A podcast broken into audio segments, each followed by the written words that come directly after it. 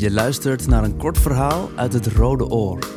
De erotische schrijfwedstrijd van de buren, Stichting Nieuwe Helden en de Nieuwe Liefde.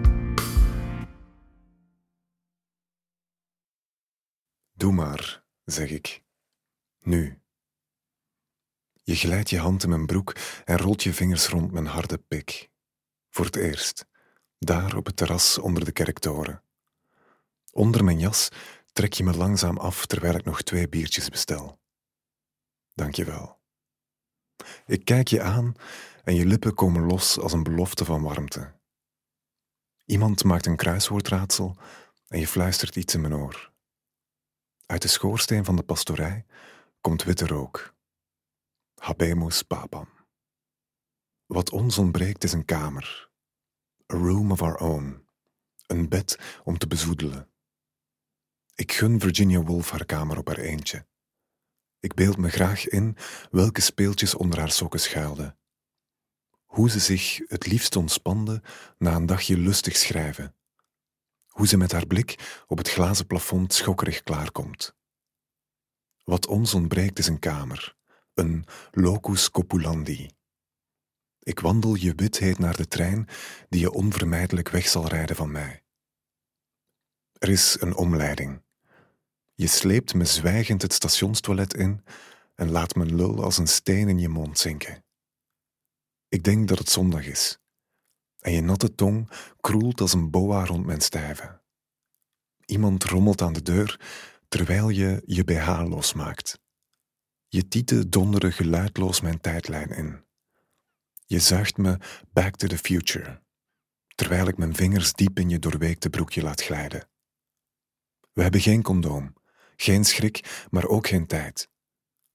Dit is niet hoe het moet zijn, de eerste keer. Blozend zet ik je op de trein en ga naar mijn eigen perron. Ik wil mijn telefoon ontgrendelen, maar mijn vingers zijn te nat en ze ruiken naar lavendel als lavendel echt geil was geweest.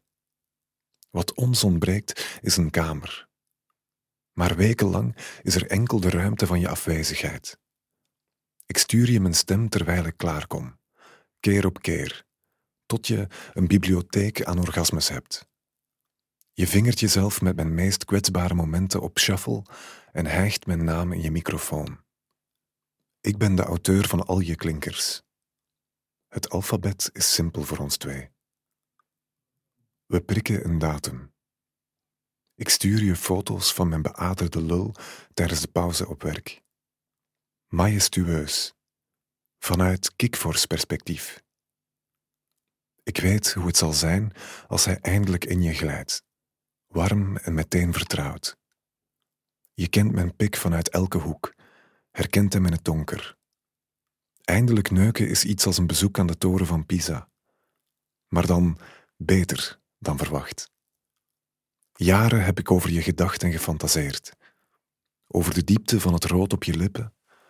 Over je trillende stem die nog nooit zo bemind is.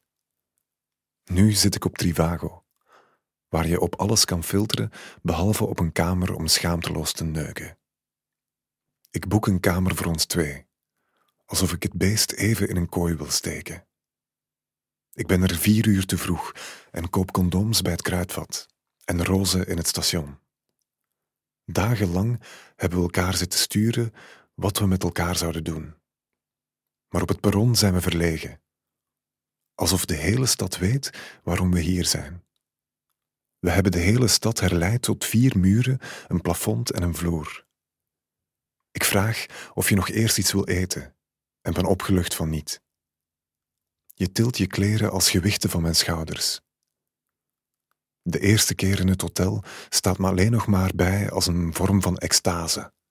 Hormonen als drugs en je lichaam als de dansvloer. Het is altijd te snel ochtend. En we vallen in elkaar versmolten in slaap bij het eerste licht, deinend op the rhythm of the night.